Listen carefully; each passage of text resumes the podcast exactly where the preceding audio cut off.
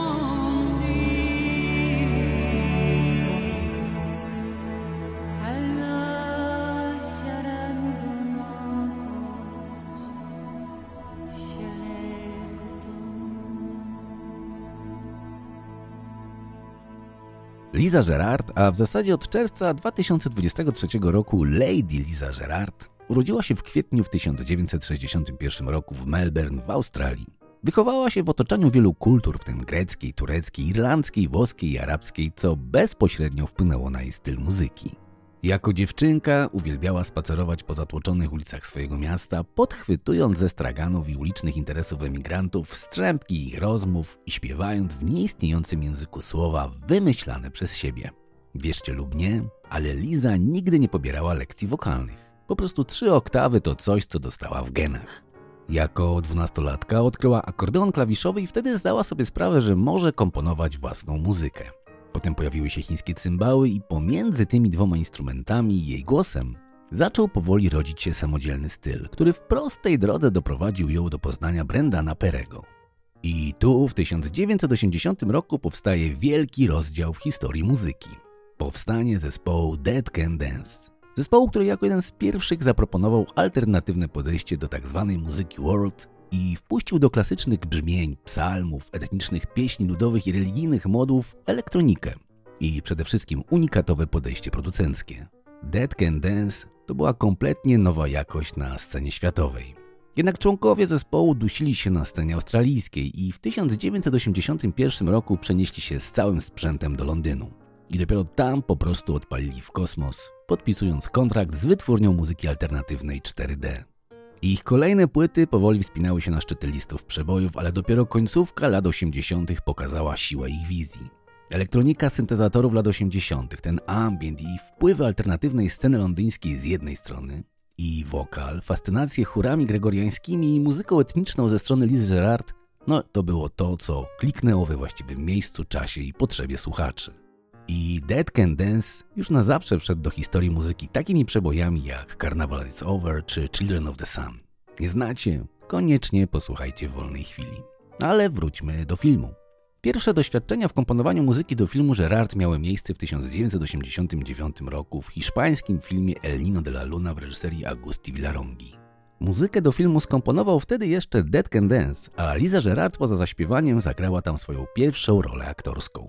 Sama Gerard brała udział w tworzeniu muzyki do wielu filmów, ale powszechną rozpoznawalność jako kompozytorka filmowa zdobyła po nagraniu The Insider w 1990 roku z Peterem Burke oraz rok później właśnie przy Gladiatorze z Hansem Zimmerem. A Gladiator to przecież nie było byle co. Film był nominowany do Oscara za najlepszą ścieżkę dźwiękową oraz zdobył Złoty Glob. A utwór, w którym Liza zaśpiewała główny wokal Now We Are Free, Pozostawał 460 tygodni na liście Billboard 200, docierając aż do drugiego miejsca. Jednak to nie był koniec współpracy Liz Gerard z Hansem Zimmerem. Razem przecież zrobili muzykę do Mission Impossible 2, a ostatnio przecież Liza wzięła udział w nagrywaniu wokali w nagrodzonej Oscarem ścieżki dźwiękowej do filmu Dune. Liza Gerard, jak tu jej nie szanować? Śpiewa w wymyślonym przez siebie języku, którego nie zna nikt inny na świecie – pomimo tak wielkich sukcesów komercyjnych, dalej jest w alternatywie muzycznej. Muzyk, który zamyka stadiony z fanami, artysta, który pracuje z największymi kompozytorami świata. Urodzona w biednej rodzinie na końcu świata, to prawie brzmi jak bajka. Można? Ano, można. Tylko trzeba chcieć i tego sobie i Wam życzę.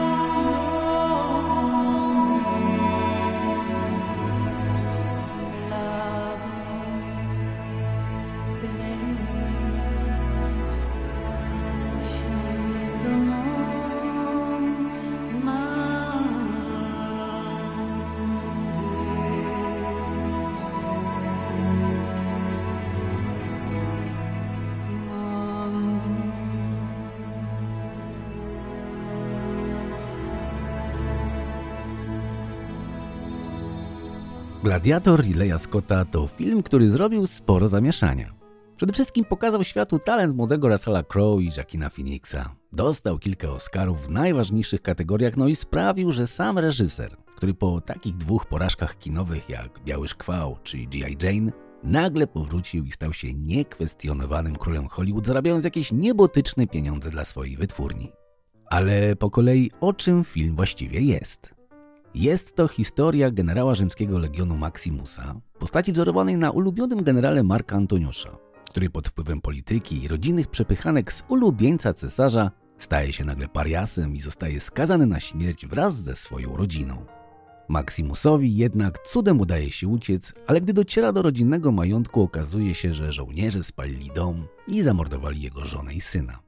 Żeby tego było mało, na pogorzelisku rozpaczającego Maximusa chwytają łowcy niewolników i sprzedają go właścicielowi gladiatorów. Maximus, którego nikt nie rozpoznaje jako generała walk przeciwko Germanom, zostaje zmuszony do walki na arenie na śmierć i życie. Jako sprawny żołnierz dobrze sobie radzi, tnie wszystko równo, co jest sporym zaskoczeniem dla właścicieli i dla jego pewnych siebie przeciwników. I tak sobie dobrze radzi, że wkrótce trafia do Rzymu. I tam dowiaduje się, że jeśli będzie najlepszy, będzie miał okazję walczyć przed samym cesarzem Komodusem. Tym samym cesarzem, zdrajcą, który zgotował Maximusowi ten los. I Maximus daje z siebie wszystko i w końcu jego popularność sprawia, że spotyka się z samym cesarzem Komodusem, zaprzysiężonym wrogiem. I oboje wiedzą na kogo patrzą i oboje wiedzą, że przeżyć może tylko jeden. I kiedy dojdzie do ostatecznego pojedynku, aha, tu przestanę. Końcu coś muszę zostawić dla wszystkich tych, którzy filmu jeszcze nie widzieli, a przecież zobaczyć powinni. W końcu teraz Gladiator to już prawdziwa klasyka. Dlatego kto nie widział, koniecznie nadróbcie te braki, bo to lekcja obowiązkowa. Kreacja Crow i Phoenixa to po prostu niebywały pojedynek aktorski. Zdjęcia historyczne, detale, muzyka i wizja Scotta no to po prostu doskonale pracująca orkiestra talentów. A powiem wam tylko, że warto temat odświeżyć, bo już w listopadzie druga część Gladiatora. I jak wieść niesie, będzie się działo. Podobno przepych produkcji wyceniony na 300 milionów dolarów ma nas widzów wyrzucić w kosmos. No i taki rozmach to ja lubię i chętnie sobie na niego poczekam.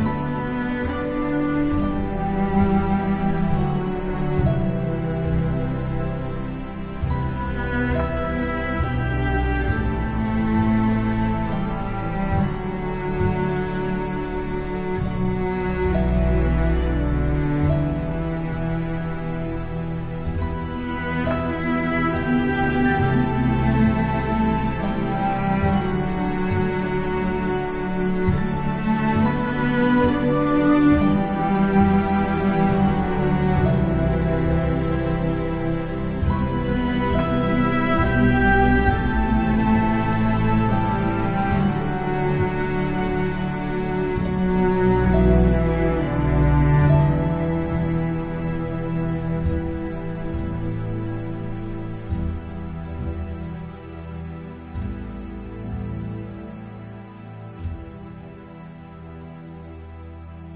Jeszcze na koniec.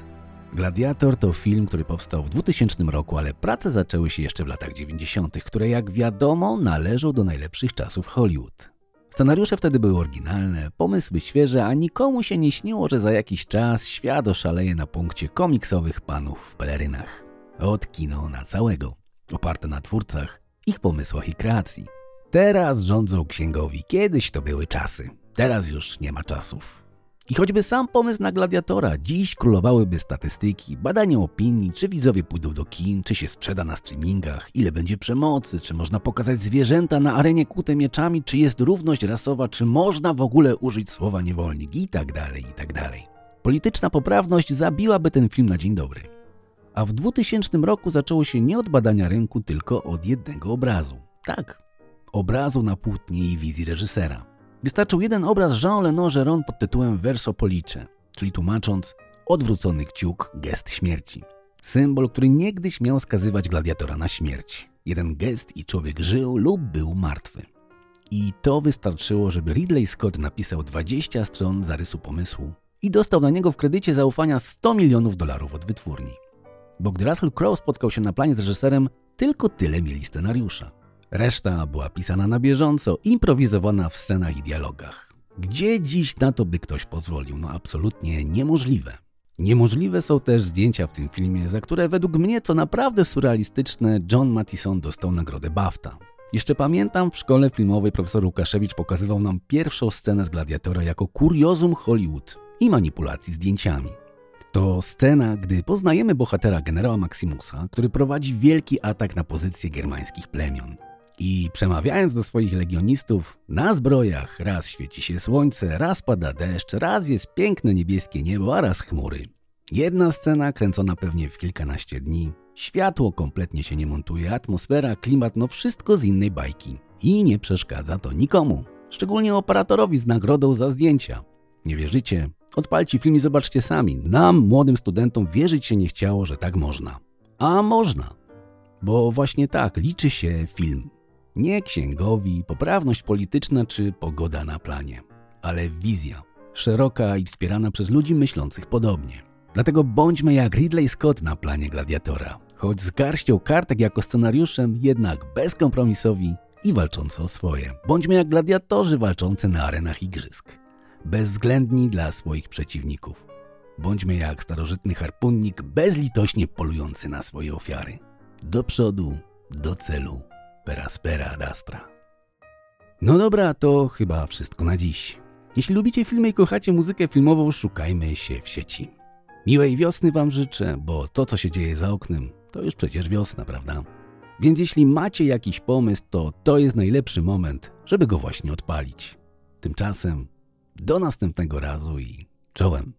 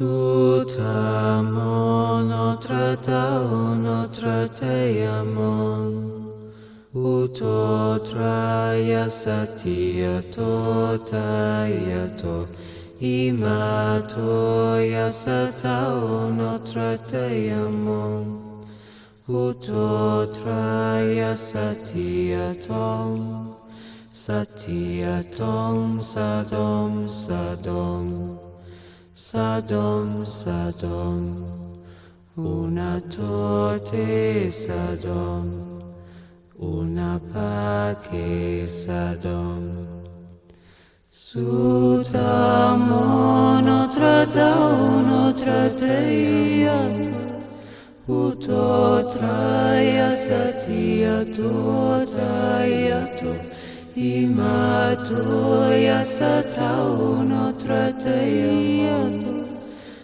Christo traia satieton, satieton, sadom, sadom, sadom, sadom, una tote sadom, una pace sadom, sutamon otra taun otra teiaton, uto traia satia tota to tu.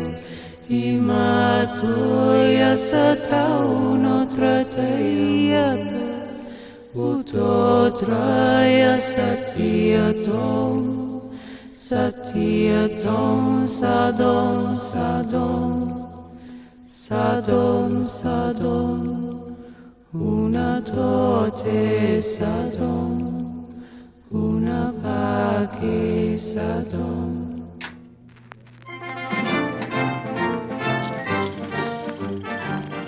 Dźwięko ścieżka. Podcast o muzyce filmowej i nie tylko.